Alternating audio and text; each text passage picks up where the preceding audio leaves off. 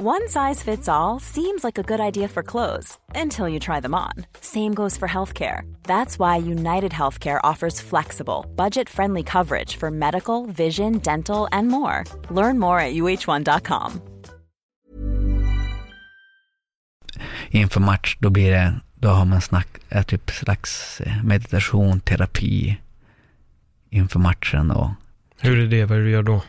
eh, oftast är att jag, jag brukar sätta mig ner eller ligga i sängen. Men nu senast satt jag bara vid sängen, vid kanten.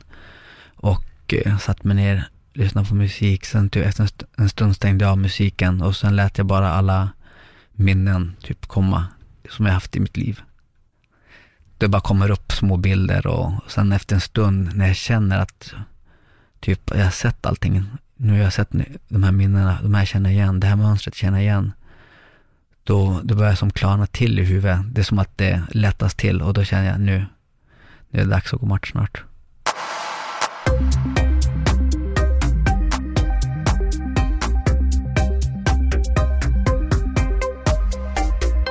Fernando Flores, välkommen till Öppet sinne. Tack så mycket, tack tack. El Toro. Ja, det stämmer. Vem gav dig smeknamnet?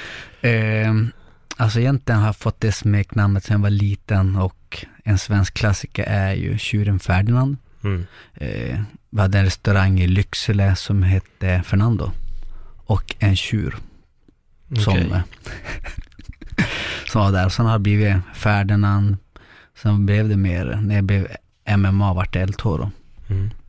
Så på den vägen är egentligen. Jag har jättemånga smeknamn. för många. Dra några till. Vad har, du, vad, har du mer, vad har du mer kallat det för? Är du redo? Ja, Fisen, ja nice. Fesse, från Ferdinand, Nando, typ dem. Mm. Ja, det är några i alla fall. Det är Ja. några. Fesse tyckte jag väl var, ja den var speciell. Ja, Det var inte den eh, chilenska släkten som gav dig det smeknamnet va? nej. Nej.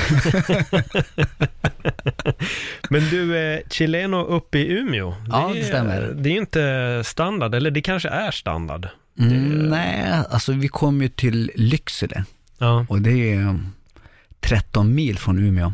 Mm. Så vi hamnade först egentligen i Sundsvall och eh, sen blev det Lycksele, jag, min mor och min syster. Mm. Så vi hamnade i Lycksele och där är jag uppväxt till jag var 17 år, 18, hur, hur gammal var du när du kom dit? tre och ett halvt. Okej, så då var, det var direkt från Chile och hit alltså? Precis. Mm.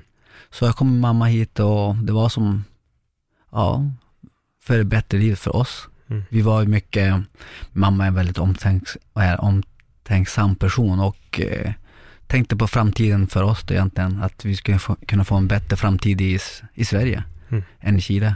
Vad var det just som fick henne att eh, känna så för Sverige? Eh, då bodde hennes syster här i Lycksele. Och sen tror jag var att det var hennes förhållande Mm. som hade kraschat. Så det är väl det. Att eh, det, för hon var inte lika mycket politisk insatt som min, hennes, min moster då. Mm. Så det är på den vägen och det var ju, det är det som är så konstigt, många frågor just i min MMA-karriär för att äh, typ representera typ arabiska flaggan då, men det är där på grund av att jag är uppväxt med en arabisk pappa då. Så jag var i Libanon mer än Chile. Ja, okej. Mm. Ja, För jag skulle precis fråga eh, om pappa, Ja. men du gav svaret där. Mm. Eh, och, eh, jag vill bara fråga en grej innan där också. Mm. Har du liksom, tre och ett halvt sa du att det var, har du mycket minnen från Chile eller är det liksom kanske lite glest med tanke på att de Nej, stack? alltså jag har inga minnen från Chile. Nej. Jag har inte, så- alltså, jag har inte så mycket minnen från min barndom. Och det Nej. kan vara på både gott och ont ju. Mm. Eh, men eh, jag försöker se det positiva i det och att skapa nya, bra, goda minnen med mina barn som jag har. Mm. Ja, för jag, nu flyttade jag ju inom Stockholm, Mm. men, men vi flyttade från Österberga till Örnsberg när jag var fyra. Mm. Jag har glest med minnen ifrån Österberga. Alltså. Okej. Det finns några, liksom. det var där- därför jag var lite Ja. nyfiken med tanke på att du flyttade vid liknande ålder. Liksom. Nej, Så min teori är väl lite kanske att ja, är man kvar så blir nog minnena mer befästa, men drar man vid en tidig ålder så tror jag man hinner liksom glömma. ja, jag håller med. Eh, Men jag märker att min syster, hon har mer minne än mig, sen barndomen. Gammal är hon? Är hon äldre eller yngre? Nej, yngre. Ja. Så, jag vet inte. Kan vara något. Ja. Det enda jag gick runt med var ett svärd och lekte himen. Ja, det behöver man göra. Du visste snabbt att du ville bli mästaren av universum. Ja. ja, typ. Ja, fan vad nice. Och Lycksele fick direkt en, en chilensk himen. Ja. Elman, var det så det hette då eller? Elman. Ja men vad kul, men vad, berätta lite om, jag blev lite nyfiken nu på uh, den libanesiska sidan här, din, det blir din styvfarsa då? ja, men precis. Mm. Nej, mam- min mamma träffade honom, vad kan det vara, när jag var sex år. Och eh, jag ser som min pappa fortfarande och eh, eh, hon fick två barn med han också ju. Eh, en syster och en lillebror till då. Som eh, vi har väldigt bra kontakt med då. Nu är de tyvärr skilda då, men eh, det var där det var att eh, hon fann kärleken med honom, byggde hus i Libanon, så vi var där så ofta ju. Kommer ihåg att första gången jag var där, det var 13 och då var vi där hela sommarlovet. Mm. Och då var nära när jag kom tillbaks till skolan, kommer ihåg så väl att läraren hade satt eh, in ett extra möte för att jag skulle börja skolan i sjuan och jag var så busig. Men det gick bra, jag fick fortfarande börja i sjuan. På vilket sätt var du busig? Hitta på små så här, rackartyg. Mm. Inte uppskattat uppe i Lycksele, eller kanske var Umeå då? Nej, då var det Lycksele. Då var det Lycksele. Ja. Så men jag var väldigt rastlös. Mm. Det var jag. Gillar att hitta på mycket, mycket energi. Mm. Och det har jag fortfarande idag också. Ja, men det känns som att det brukar vara så med ganska många fighters. Mm. Att det är just, det finns en energi som man försöker liksom få lite bukt på. Det får man oftast när man går ner och brottas och sparras och slåss lite med andra Precis. män och kvinnor Ja. som, eh, som le- har samma känslor liksom. Ja, men precis. Man klickar på ett annat sätt då. Med, jag har ju styrketränat ett bra tag och det var som att lyfta skrot. Ja. Blev stor och men sen tänker jag, det- är det här jag verkligen vill göra? Så började jag kolla upp typ MMA-klubbar i Umeå. Jag bara, va? Alla de här tränar här i Umeå. Varför går inte jag bara träna med dem? Mm. De, de är ju bredvid mig. Så, så jag upp deras record och kollade vart de har fightat. Jag bara, vad håller jag på med? Så, eftersom jag hade gymmat med en kompis ganska, ganska länge då, så då gick jag dit och sen typ gymmade jag aldrig mer. med han. Vad gör ni polare idag eller så har ni upp vänskapen? nej, nej, vi, vi kompisar än och eh, han har försökt börja MMA då och han vill ju göra en MMA-klass B-match, har han sagt. Okej. Så vi får se. Mm. Men hur, hur upptäckte du MMA? Liksom, vad var ditt första möte med, med MMA? Alltså jag har ju sett MMA på tv, mycket och sånt där, men det var som en, nej, de kramas ju bara. Mm. Och sen, eh, men jag skulle nog säga att det första var när du var, vad heter konferencier? Ring, ja, ring Ja, konferens. ja, precis. Och då var det min systers eh, pojkvän som gick match. Okej. Det var på Battle of Botnia och han gick i thaiboxning ju. Mm. Vem? Vem var det? Eh, Charlie hette han. Har du något mer namn? Charlie? Janse. Det, bekant. Jag får Ja. inte ansiktet, men det, jag har ett Mm. minne av namnet, absolut. Så han gick match där och, och jag tänkte, oj shit, thai såg ju, thaiboxning såg roligt ut. Men sen när MMA kom igång, jag bara, wow. Mm. Det här var ju ännu roligare. Så där, nu måste jag börja med det här. Mm. Och där, på den vägen var det. Ja. Men- Vad skulle jag säga? För du sa att du började kolla upp då människorna. Jag antar att det är Tor Träng och uh, alla de som du Ja, hittar. för det är de precis. som är Team Renje då. Ja. Det var Tore, sen såg jag David, eh, Thomas, eh, Andreas också börjat gå där och, och det var ju där, alltså allihopa där. Mm. Så det var som, så nära, men så långt bort. Om det brukar vara Ja. så. Men hur är livet på klubben? Jag tyckte Umeå, en- alltså en speciell stad och nu syftar jag bara på mörkret. Mm. Alltså ni, ni bor högt upp. Det är, en, det är en helt vanlig stad i alla aspekter, men det är en speciell stad med tanke på att det, det är så mörkt. Vi, vi, ni går från extrem till extrem, det är superljust och sen är det supermörkt. Precis. Eh, och man får lite känslan av att det jag upptäckte när jag var eh, uppe i Umeå, det var att alla på något sätt tränade. Det fanns en fysisk aktivitet hos mer eller mindre alla som jag sprang på där. Mm. Och det känns som att när mörkret kommer, då är det det man gör. Man går in i en grotta, antingen lyfter man vikt, eller brottas man, eller boxas eller kör MMA eller vad det än är. Jag, är det så eller har jag bara en extremt förutfattad mening? Nej, jag tycker det har blivit så. Umeå har blivit en, en bra motionsstad nu. Där motionär, alltså alla börjar motionera, börjar tänka på kroppen, att man behöver röra på sig. Och eh, eh, vi har pratat mycket om mörkret, jag och min fru då, men jag är en kille som gillar mörkret, så jag tycker jag trivs i Norrland. Mm. så jag tycker att det är, en, det är mycket gym som öppnas upp där uppe och folk tränar och det är viktigt för kroppen att hålla igång och hålla Mm. igång pumpen och ja, se till att leva. Man, man blir glad när man tränar ju. Ja, jag blir verkligen. väldigt glad och avslappnad. Om jag inte tränar så blir jag tvärtom. Mm. Ja, men det håller jag med om. Mm. Det är samma för mig. När, när det, så här, en vecka kan vara skönt att få ett Mm. break, men börjar det bli mer, då börjar man känna att nej, nu är det något som inte Ja, stämmer. precis. Men en vecka för mig, då, då är jag så här, då har jag gjort något projekt hemma och försöker göra någonting, jag ska hitta på någonting och det börjar när jag bara, och så kommer, så kommer en massa bara, Fernando ta det lugnt, det har bara gått några dagar. Men du, apropå det, vad är, har jag fel eller hade inte du en sån här uh, naked juice-pryl? Jo, men det hade jag. Ja. Ehm, Jag sa ju upp mig från mitt jobb. Mm. Jag har ju varit vad, flyttgubbe ja. i sex år, sen var jag typ transportledare i två år. Mm. Kul, jag var flyttgubbe i två. Fan Mm. vad jag hatar det jävla jobbet alltså. Så jävla tråkigt. Bära och slita. Men det är så kul för att det var ett, ett ex till mig för långt tillbaka. Hon visste hur mycket jag hatade flytt och när vi splittade så började jag jobba med flytt. Hon bara, det är jag helt chockad att du har blivit flyttgubbe. Jag bara, jag med. Nu är jag här. Ja, förlåt, fortsätt. Det var, det var där jag började jobba och sen tänkte jag så här, mina föräldrar driver restaurang.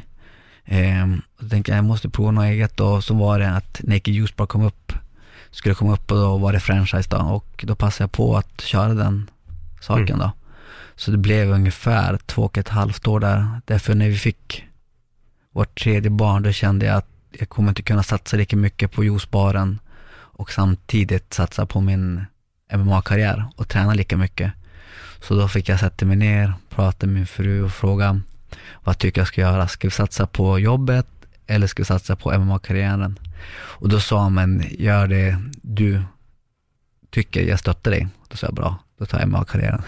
Mm. Så det var ju bra, hon stöttat mig där ju. Så hon har ju följt med väldigt mycket ändå, alltså hela vägen. Så det är ändå, ja, känns skönt att ha den backningen. Mm. Hade du gjort om hon hade sagt juicebaren? Alltså, ja, det var det tufft. Hur gammal är du? 35. 35. Mm. Mm. Hur lång MMA-karriär, hur långt kvar på din MMA-karriär tror du att du har? Ja, så det, jag vet faktiskt inte. Jag låter tiden utvisa det. Mm. Jag sa ju en gång, det var ju förra året, det är 2019, 2018, förra året, då torskade jag tre. Då sa jag till frugan att torskar jag tre så slutar jag. Sen fick jag ett, ehm, ja, ett meddelande att vill du ta en match? Och, jag, och det var killen 13-2 och jag sa såklart ja. Och hon sa, men vad tänker du med? Jag bara, jag, jag klarar inte av det, jag måste vinna. Mm. Så Hur gick det? Eh, Då vann jag på domslut. Så det var en annorlunda gala. Det var min första gala som jag åkte till England då. Och ehm, jag brukar oftast ha med mig David och han var inte med då. Mm, så, och det var lite annorlunda gala eftersom vi hade som ingen läkarkontroll. Nice. Mm, handskar skulle vi ta med oss egna. Mm. Ja, så det var en riktig så här old school gala. Jag, jag berättade det till min fru när jag kom hem. För hon skulle bli så orolig innan. Ja, det förstår jag. Så hon fick veta det sen, vad som allting, hur det gick och allting. Mm. Men det måste ju finnas ett gäng, eller det finns ju ett gäng obskyra MMA-galor. Hur, eh, nu gick ju du på en sån med glädje uppenbarligen. Men hur, hur försöker man sålla bland det som är positivt och negativt att fightas i? I en sån gala? Nej, allmänt. Alltså allmänt. Allmänt. galor liksom. För jag antar att du också har fått erbjudanden. Du kanske till och med har tackat nej för att någon gala har känts lite för Mm. skev liksom. Ja, så det... Ja, alltså jag nästan tackar ja till många matcher. Mm. Men det finns ju mycket som ska spela roll tycker jag och det är ju, vi ska ju ha betalt när vi är och fightas eftersom vi utsätter våra liv för eh, ja, människorna som är där och kollar egentligen. Och ehm, jag vill ha, jag vill ha lite betalt det jag gör. Eftersom eh, jag har sett en stor del av tiden på min träning är ju, det, det är inte det där med barnen och eh, ja, det tar mycket tid och jag, så jag vill ha lite betalt när jag går match. Mm. Så, så enkelt är det. Så, så får, ibland får man som du säger, man får sålla och det är svårt. Jag skriver till vissa, eh, är det här en bra gala? Är det en bra, vad heter, eh, vad heter organisatör och sånt där. Så man får kolla upp. Mm. Vad får du för svar? Har du någonsin fått svaret nej, nej, nej, gå inte dit? Mm, nej. Men jag har fått några svar att, eh, det, att ja, nu möter du en tuff kille, eller ska du ta den här matchen verkligen? Jag bara ja. Jag gillar att utvecklas och det är så med om man utvecklas, det är så naken sport ju. Man märker precis vad man behöver utvecklas på. Ja, Vissa matcher. Och det är det jag gillar ju. Mm. Fast det kanske inte känns så bra efter man har torskat då, men just det gillar jag för att eh, blicka framåt. Men hur är det med, med coacherna på klubben? Mm. Um, Tor Träng, han, alltså i, i, min, i mina ögon så är han Mm. väldigt involverad i Renje. Är han det fortfarande på samma sätt? Ja, han eh, håller alltid sparringen Ja. och håller koll på oss, det gör han. Mm. Så jag skulle nog säga att alla av det gamla gardet är kvar Okej. och de är med coacher nu. Mm. Hur är det att ha någon som Tor, liksom där? För jag antar, alltså det är ju en, jag tycker Tor är en riktigt skarp Mm. kille och det är lite det han var känd för också, att han var en väldigt så här skarp och påläst fighter och han Ja. bröt väl ganska mycket liksom normen för den förutfattade meningen som folk hade om, om fighters. Precis. Så jag tänkte, vad, vad, vad får du för råd av, av honom? Liksom? Hur är han som mentor? Eller har ni överhuvudtaget en sån typ av relation? Jag vet inte. Du får besvara. Nej, alltså, han är, jag skulle säga, han är en komplett fighter. Och eh, han tänker mycket, tycker jag i alla fall. Eh, när han pratar med mig, han vet precis typ mina svagheter och mina styrkor. Och han vet det jag behöver jobba med och det jag behöver slipa på. Så att ha han, det, det är bra för mig. Att man behöver ha någon där med pekpinnen, Fernando, tänk på det här. Fernando, tänk på det. Jag, be, jag behöver veta det. För annars kan inte jag utvecklas, för annars tror man det att man är världsbäst. Men man Mm. behöver alltid någon som är där och pekar på en. Så det, som, det känns tryggt. Det gör det faktiskt. Mm. Vilka mer är det på klubben som är som aktiva just nu? Jag skulle säga att det är jag, Andreas Ståhl, eftersom han går match nu den 3 augusti Mm. i Shenzhen, Kina då. Och eh, Viktor Gustafsson har inte gått match på ett tag, men vi gick match i Finland, i Imatra, för ett tag sedan. Två, två år sedan kanske. Mm. Också aktuellt Mm. snart. Mm. Eh, och sen har vi en kille som heter Anton Larsson. Han har flyttat från, tillbaka från Thailand. Men han har inte gått match på heller på länge. Nej, Sen har vi några amatörer som går match också då. just det. Så ja, det funkar. Fightingen är ju, den är stor ju, men att tävla är inte lika stort. Nej. Det är det. Nej, och det, är- det är det som särskiljer agnarna från vetet också. Det är Ja. inte alla som nödvändigtvis vill gå in och gå match och göra en proffskarriär utav det. Men hur, hur kombinerar du det här? För eh, jag antar ändå att du kanske måste jobba lite, eller kan du liksom leva på din fighting så pass mycket att du bara kan fokusera på träning? Skulle jag kunna leva på fightingen, då skulle jag vara jättebra. Men Mm. det går inte. Så jag jobbar heltid Mm. på ett HVB-hem då. Så jag jobbar skiftdagar. Så Okej. jag kan jobba två dagar och sen är jag ledig i fyra dagar. Så kan jag jobba tre dagar och ledig en vecka. Och nu i september är jag föräldraledig Skönt. fram till januari. Mm.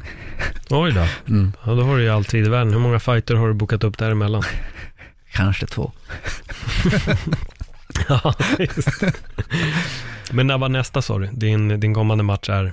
Eventuellt så är det i oktober. Okej, Mm. Mm. Och Jag hoppas, jag väntar på svar. okej. Fan vad spännande. Mm, faktiskt. Har du något hint om motståndare? Och... Mm, nej, inte än. Jag vet inte om man får gå ut med så mycket. Jag har ingen aning, men det kan jag Nej. säga att det eventuellt om det blir av så är det en bantamweights turnering. Grymt. Så det känns coolt ändå.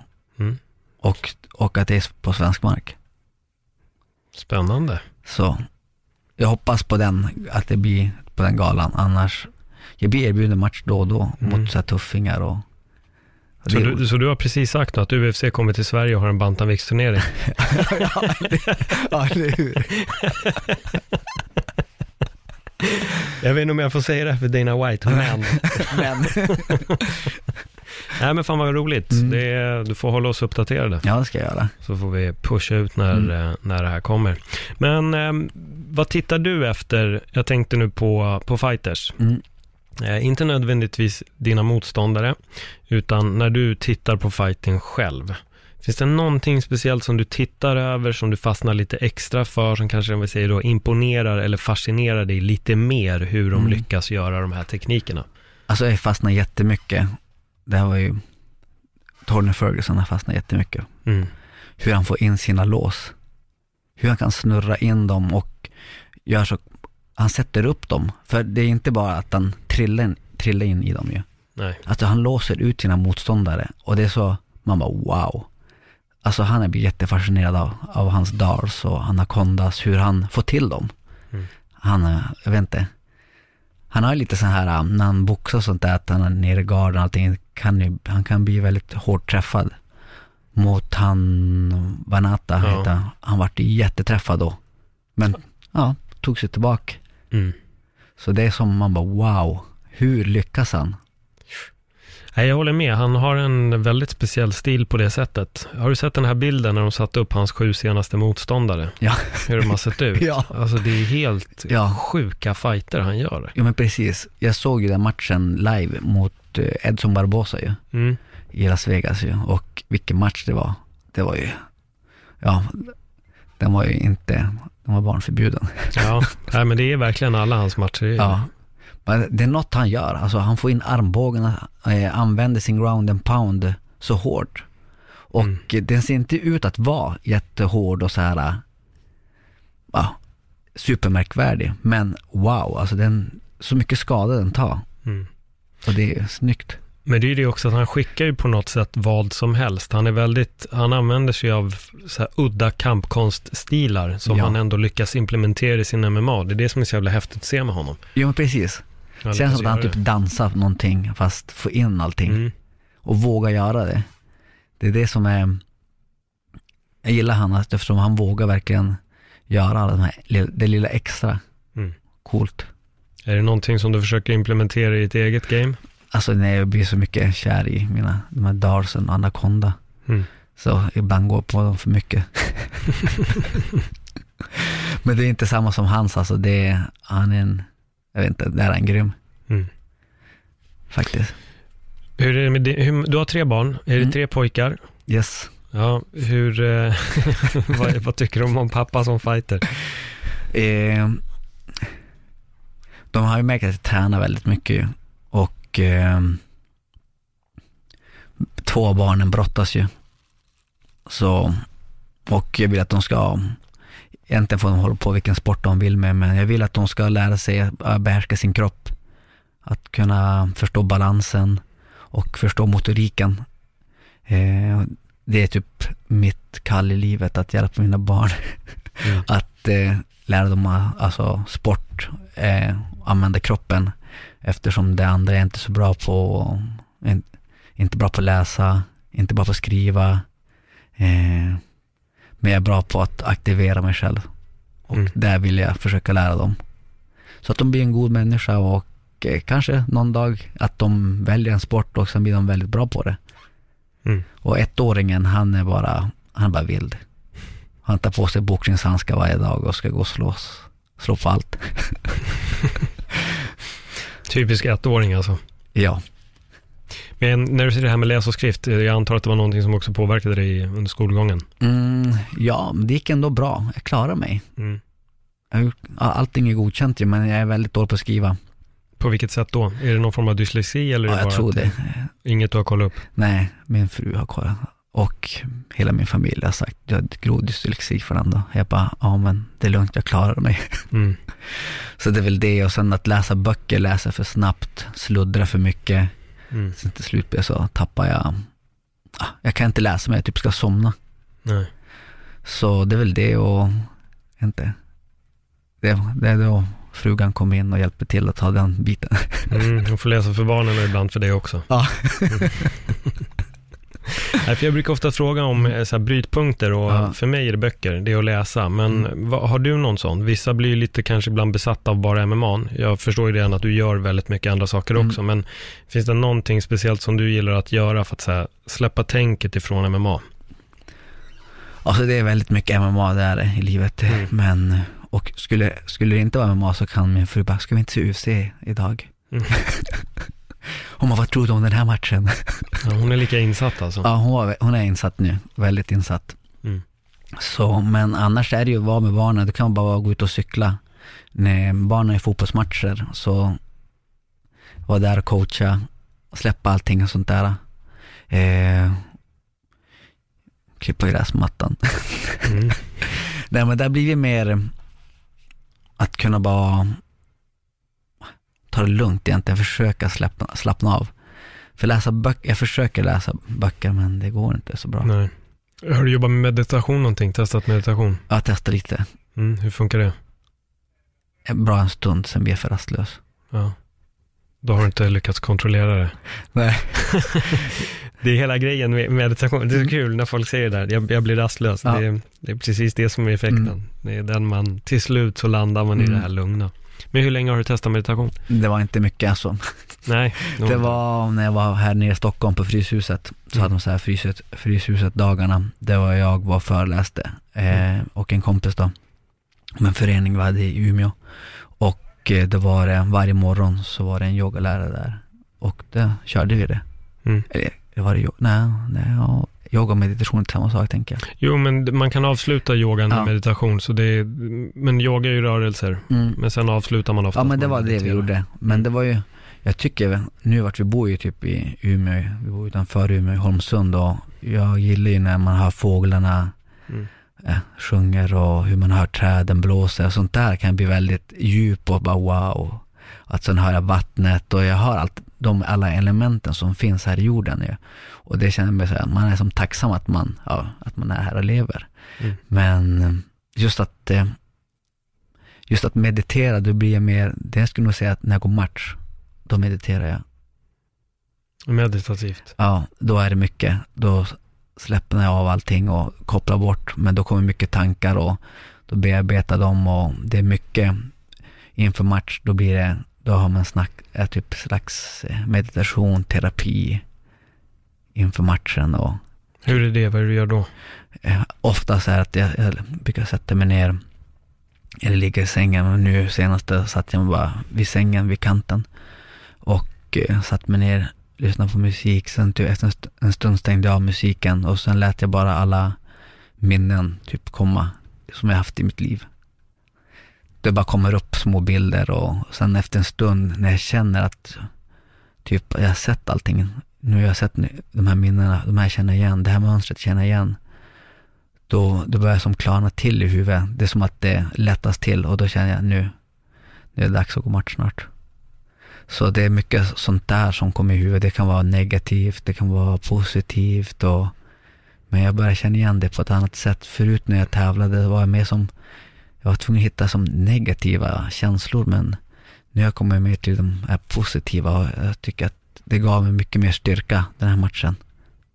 På vilket sätt är det negativa känslor som kommer upp? Vad kan du för beskriva något eller några?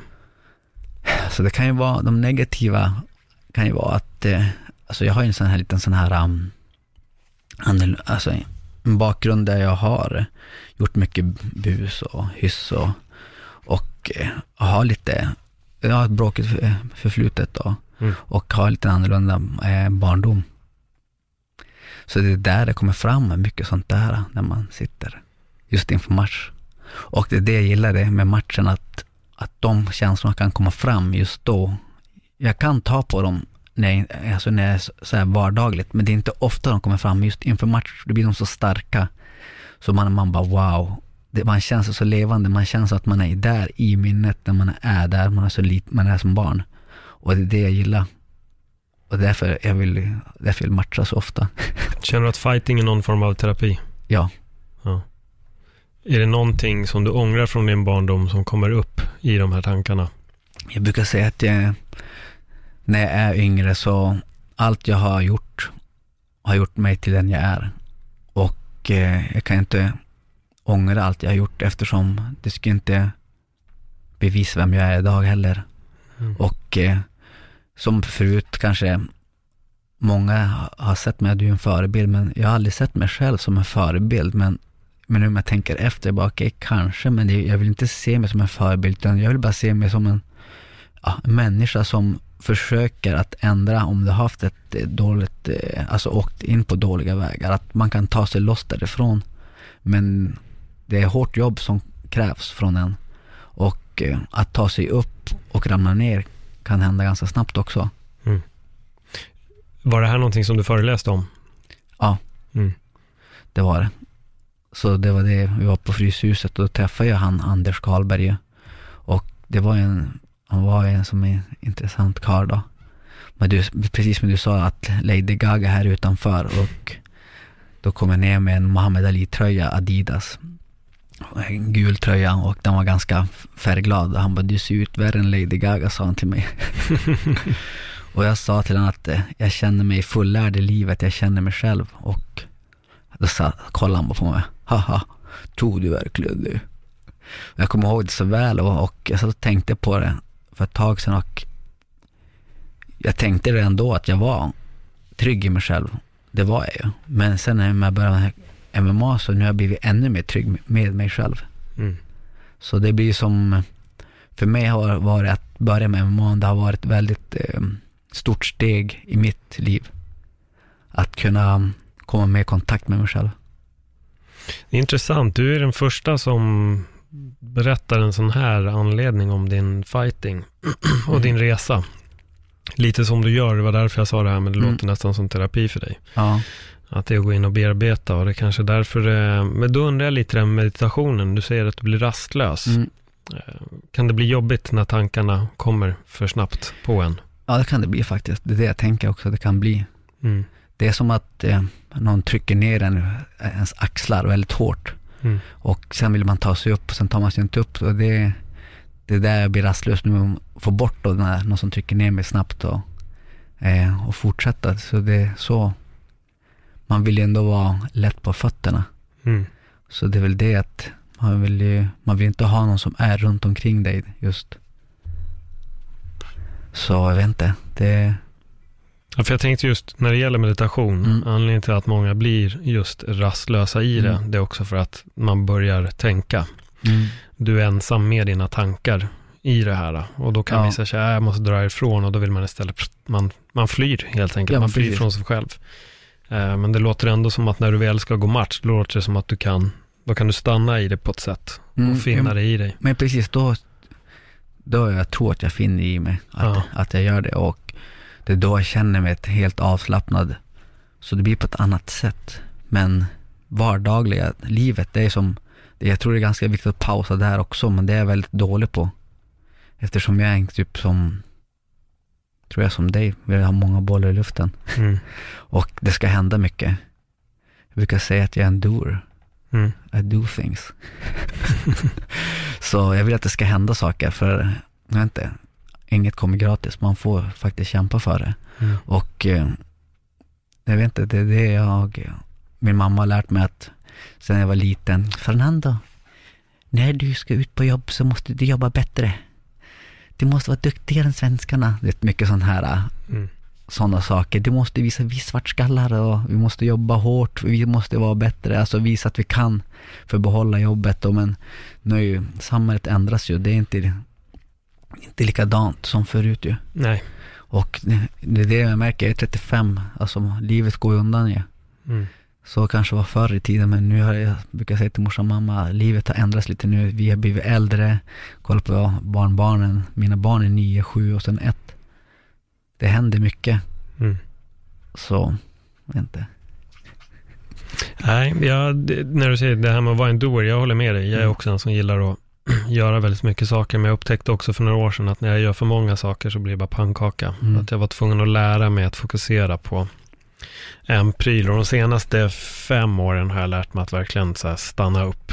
Att Mm, det är bra. eh, sitta. Jag kunde ju meditera förut en timme om dagen. En timme om dagen. Ja, och bara stanna upp och sitta. Jag nu kan jag inte göra det längre, det är för att jag kommer av mig, men jag kom Mm. in bara i någonting och verkligen Okej. så här, hittade en otrolig njutning i att bara sitta och jag satt och stirrade rakt ut genom fönstret bara i en timme.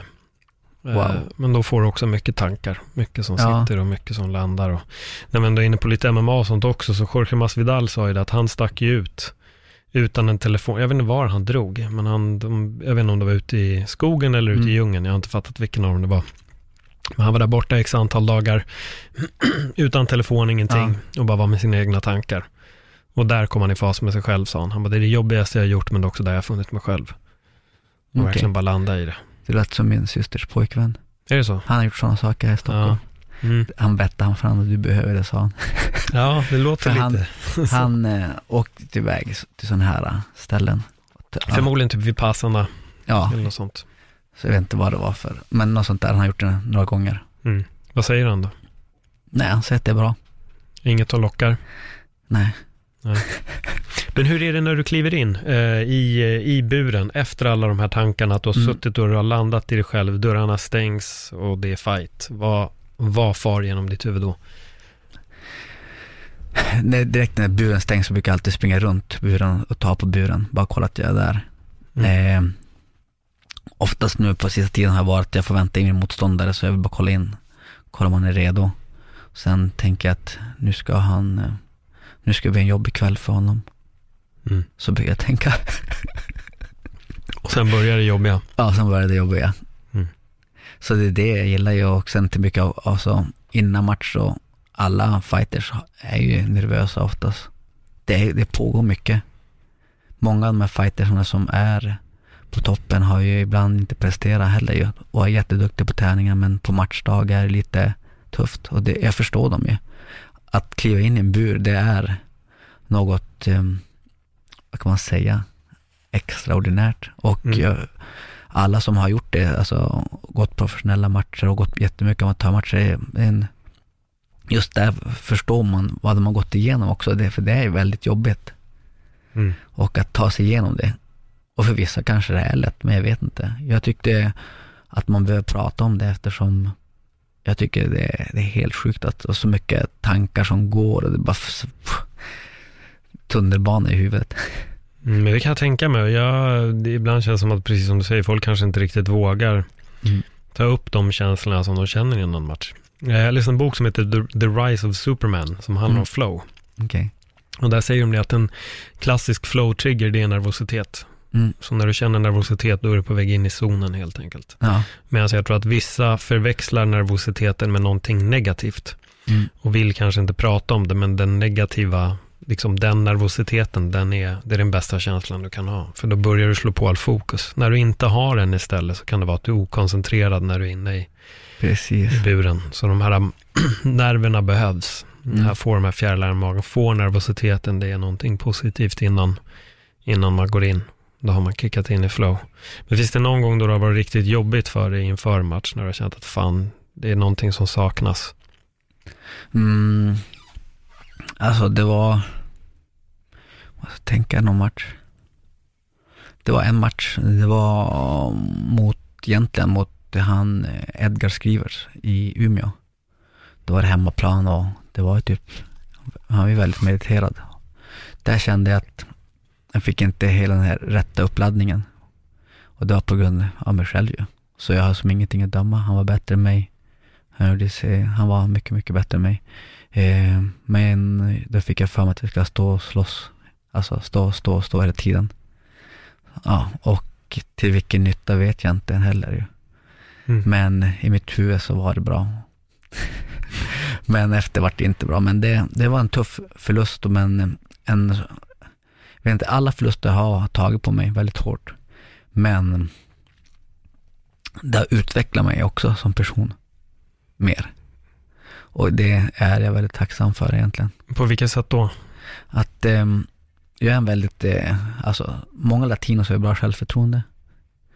Vi är snyggast, vi är vackrast, vi är Han har starkast. bra självförtroende, dålig Ja. självkänsla. Ja. Men, så jag har alltid haft ett bra självförtroende, men då bryts det ner i två dagar, som börjar jag jobba med saker som jag behöver tänka på. Och alltså det är mycket med MMA, men det kanske kan vara andra saker också. Jag bara shit, har jag varit så här då också? Det, det känns som att det öppnar upp kanaler i andra saker också. Jag blir, som nu med MMA, jag blir mycket mer lugnare. Alltså mot personer och jag är inte så här, när jag var yngre var jag lite mer, mer hetsig. Mm. Nu är jag inte. Jag är mycket, mycket, jag vet inte om det är med barnen, kanske att jag är för gammal.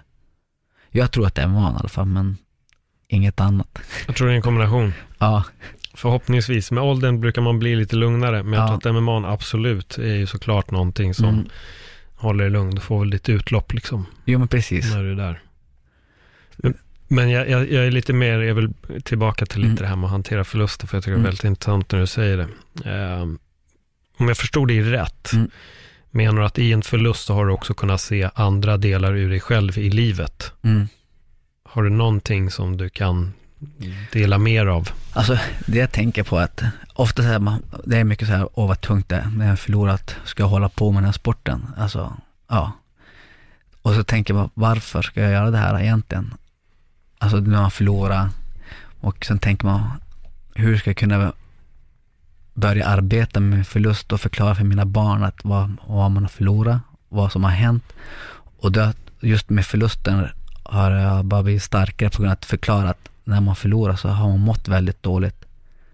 Man, man bryter typ ihop ju. Mm.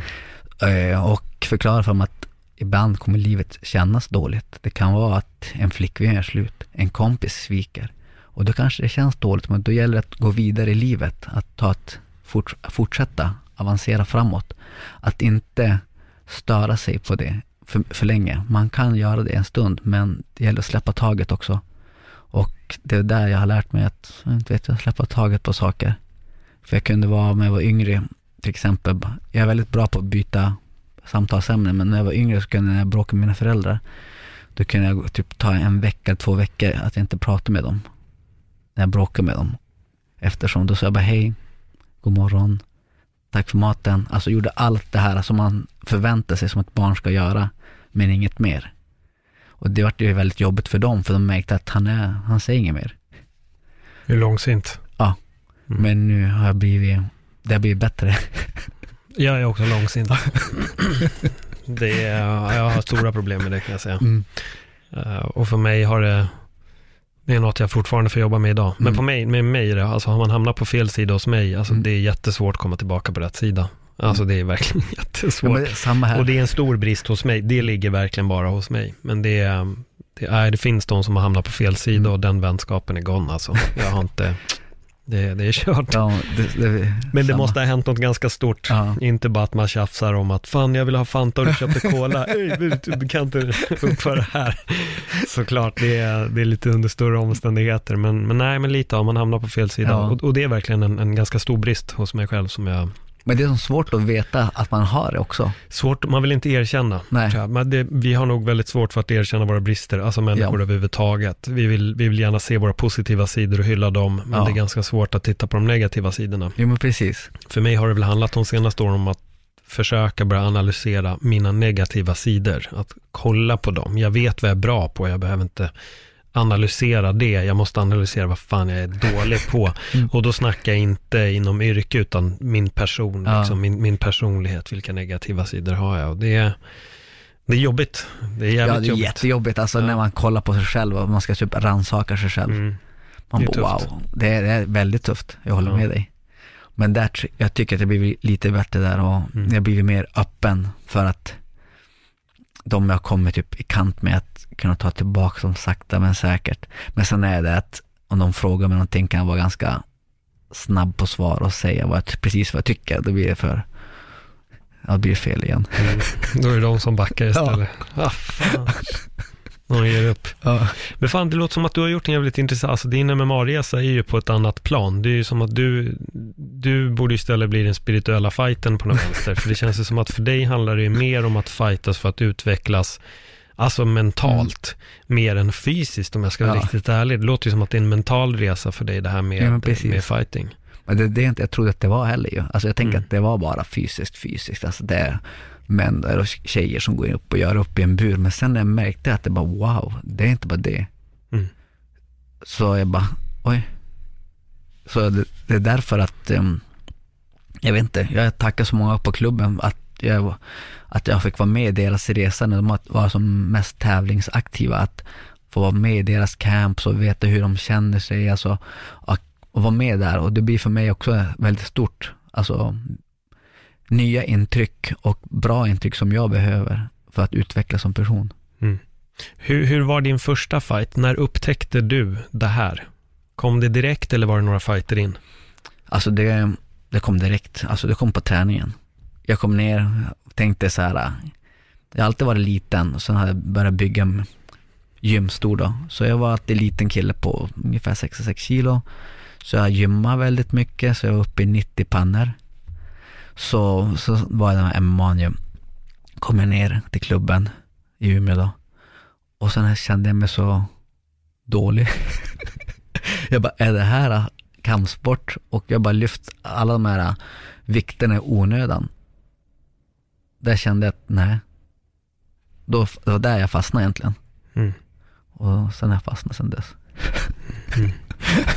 Och när kom din första liksom så här personlighetsutvecklande känsla inom MMA? Det var när jag började gå mina amatör-MMA-matcher då, alltså A-klassen då. Mm. Jag hade mycket känslor innan med så här shootfighting och sånt där, men det var inte samma nivå. Proffs var det värre. Alltså då var det, det var, det var kan man säga, när jag gick från steget från amatör till proffs, då var känslorna ännu starkare. Och att utvecklas ännu mer. Mm. Så det var väldigt stor skillnad faktiskt.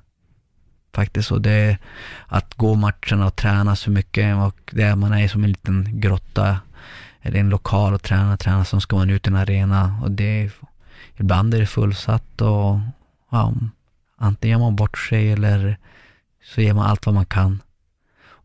Det där är, jag vart så, jag vart så, vad inte, jag vart så helt inne i sporten och jag gillar hur, nu hur alla kommentatorer kommer in och de vet att ja, fighters har tränat så pass länge inför matchen.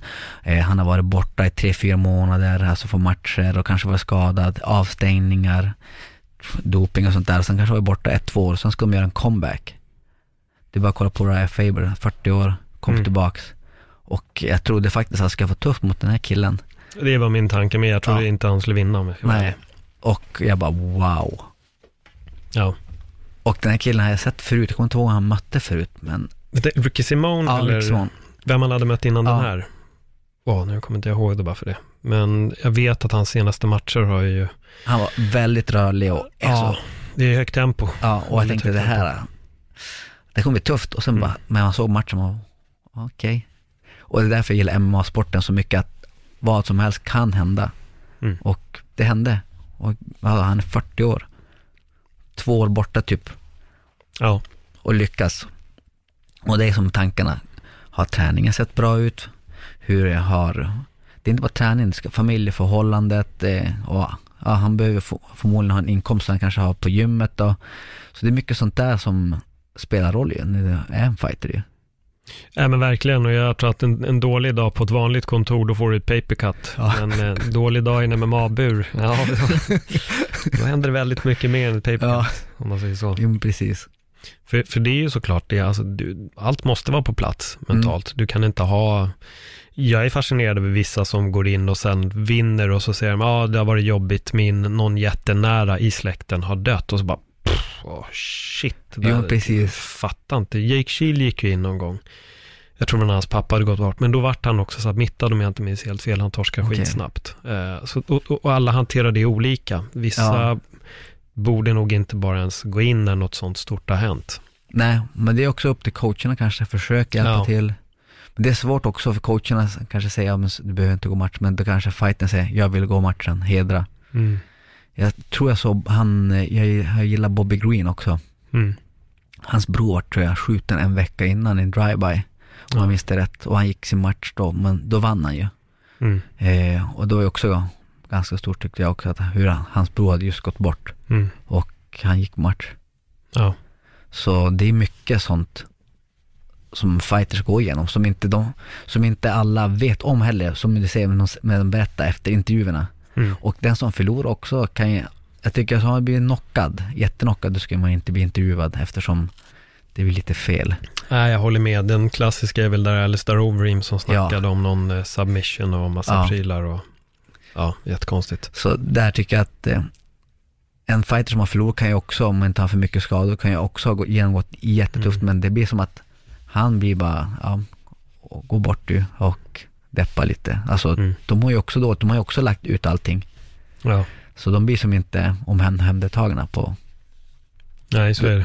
Har du själv gått in någon gång om det liksom kanske är tuffare omständigheter mentalt? Mentalt? Mm, alltså, vi pratade faktiskt om det, jag och min fru, om ett tag sedan. Hon tycker att jag var mer dryg när jag gick min andra proffsmatch.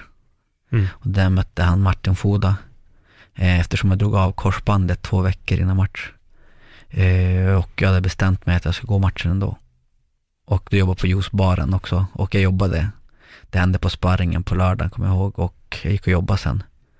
Sen gick jag upp på söndag. Så fortsatte jag. Sen på måndag var ah, det är lugnt, tejpa ihop skiten. Sen fick jag magnetröntgen sam, samma vecka och då var det av. Mm. Så läkaren sa, du ska inte gå match. Då sa jag, men du är läkare, jag är fighter. så då var jag mer dryg mm. som person. Jag kunde inte ha sett det själv då. Men hon sa att du var väldigt dryg och så min syster bara, ja, du var väldigt dryg. Men du vann den matchen va? Ja. Det var Irfa om jag inte minns helt fel? Eller? Det var Irfa. Mm. Jag, jag kommer ihåg den matchen och eh, han var ju champ så kallad. Så ja. det var ju väldigt konstigt att du inte fick ett bälte. Jag vet, det var skumt. alltså. Fast han hade ju å andra sidan inte vunnit något bälte så det var väl därför de inte gjorde det till en titelmatch, Nej. antar jag. Men mm. jag, jag, minns det så väl för han hade ju bara tagit ett bälte. För han skulle möta, det var väl Baba Divan va tror jag? Ja men precis, det var, det var. Baba Divan kunde inte och då Nej. tog han bara bältet och sa I'm the champ. Så, så mm. okej, okay. ja jo så kan man ju absolut göra. Jag trodde man vann ett bälte, inte inte så. Det brukar vara så att man brukar vinna ett bälte. I och för sig så gjorde ju Kelvin Gastelum exakt samma sak. Han gjorde ju som Martin Foda också. Han menade ju att han var champ på grund av att Robert Whittaker var tvungen att operera ett akut brock. Ja, så menade ju Kelvin Gastelum då att nej, jag vann. Jag, jag är mästare nu. wow. Okej, okay, bra. Det, det händer inte bara på de svenska smågalorna, det händer i UFC också. Hur ser eh, framtiden ut? Vad, eh, vad har du för små Många, ska jag säga, mm. mål. Du är en doer. Jag är en doer. Ja, det första är väl egentligen att min fru ska jobba. Mm. Alltså det är ett mål som vi har som familj då, på grund av att vi måste utvecklas som familj också och eftersom hon har varit föräldraledig i två år nästan. Så jag ska ta hand om lilla Thiago mm. ett tag och, och, vi ska bounda lite. Så det är att eh, vi ska klicka ännu mer. Och och eh, målen är, alltså, jag har ett, ett mål är att försöka gå två matcher till innan årets slut. Och jag ska vinna dem. Hur, det vet jag inte. Anaconda kanske. Mm. Nej, men eh, gå två matcher till inom sporten i år. Och eh, egentligen vara, jobba och vara där för mina barn och vara där för, eh, jag är väldigt mycket så här, prata med folk, jag har märkt typ om jag kan gå i stan i Umeå så kan folk komma fram och prata med mig och jag kan stanna ganska länge kvar och prata med dem. Mm.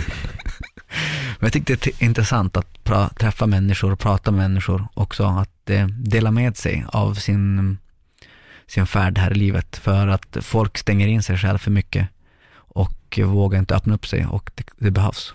Mm. Vad skrämmer dig? Skrämmer det mig? Vad skrämmer dig? Ja, karuseller. Karuseller? Varför? Um, jag vet inte, det går för snabbt. Mår du illa? Jag blundar ändå så spelar ingen roll. Mm. Nej men karuseller gillar jag inte, verkligen inte. Vi var på Legoland nu i, somras. Bara som en barn, eh, berg och dalbana. Mina barn bara, åk pappa, den är inte farlig. Och sen har vi tagit kort på bilderna Alltså, och mina grimaser, de är inte fina. Mm. Min karuseller gillar jag inte.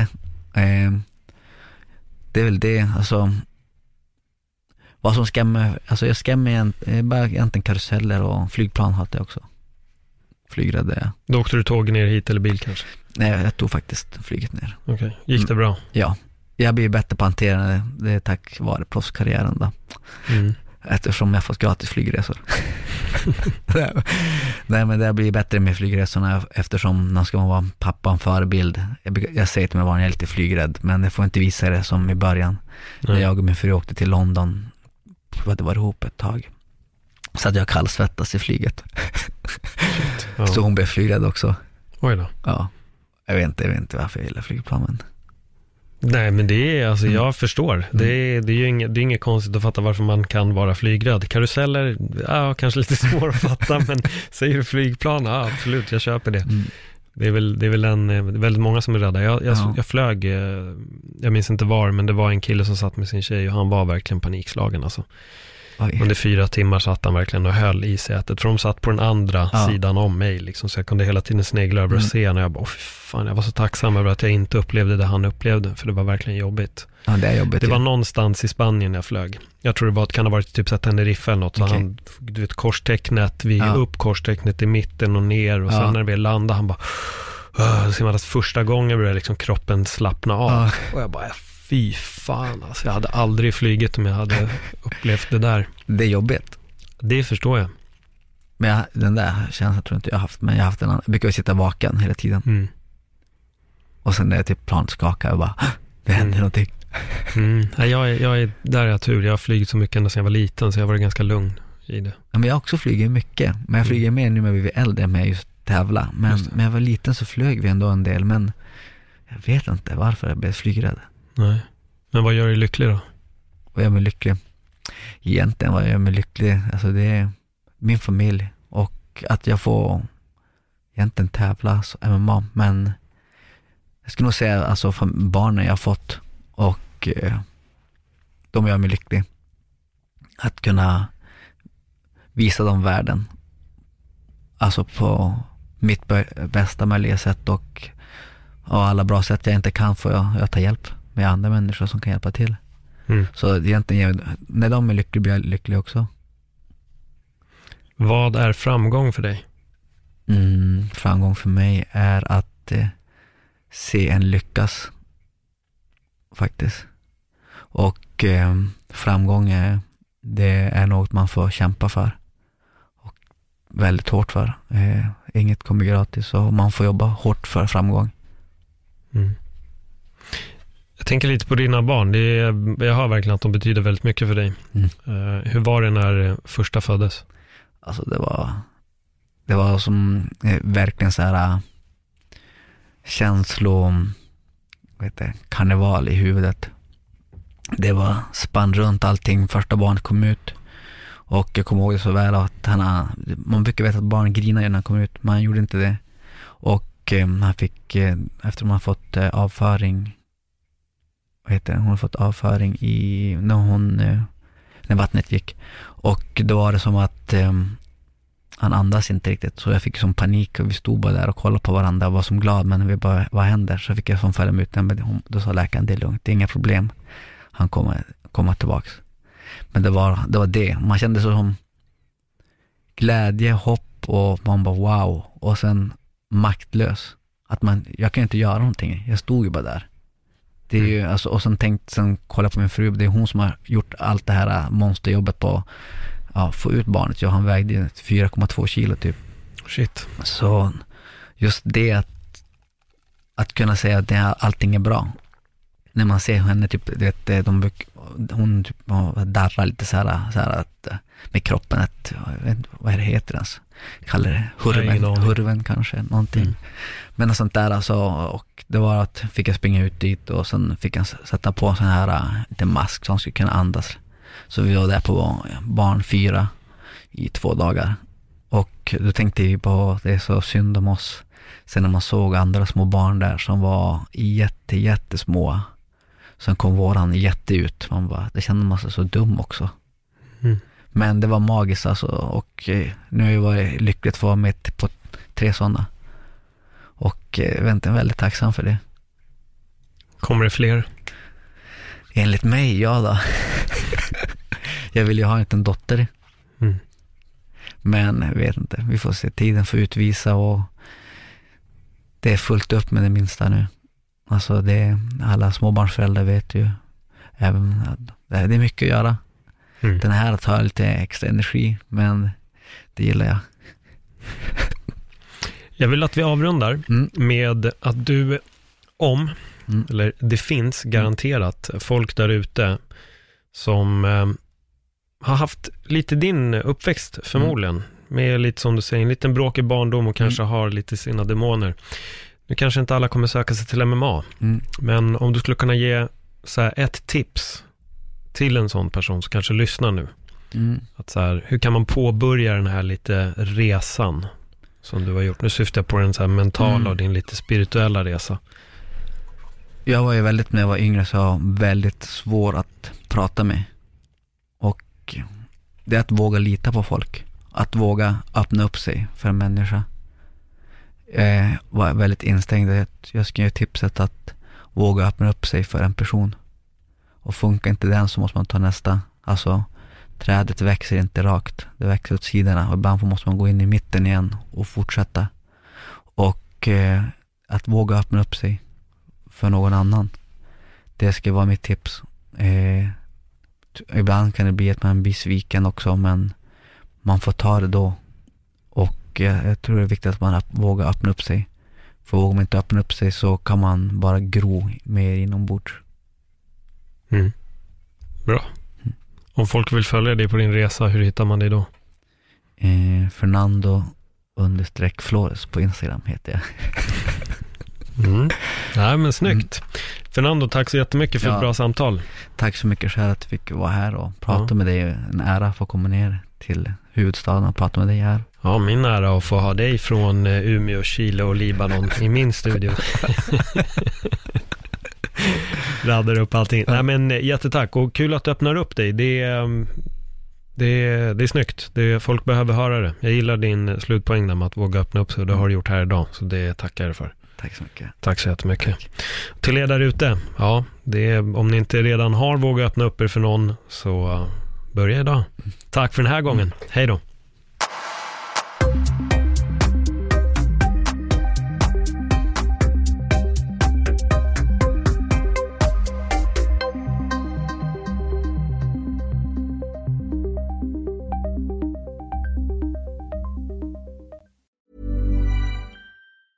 Mom deserves the best, and there's no better place to shop for Mother's Day than Whole Foods Market. They're your destination for unbeatable savings, from premium gifts to show-stopping flowers and irresistible desserts. Start by saving 33% with Prime on all body care and candles. Then get a 15-stem bunch of tulips for just $9.99 each with Prime. Round out Mom's menu with festive rosé, irresistible berry chantilly cake, and more special treats. Come celebrate Mother's Day at Whole Foods Market.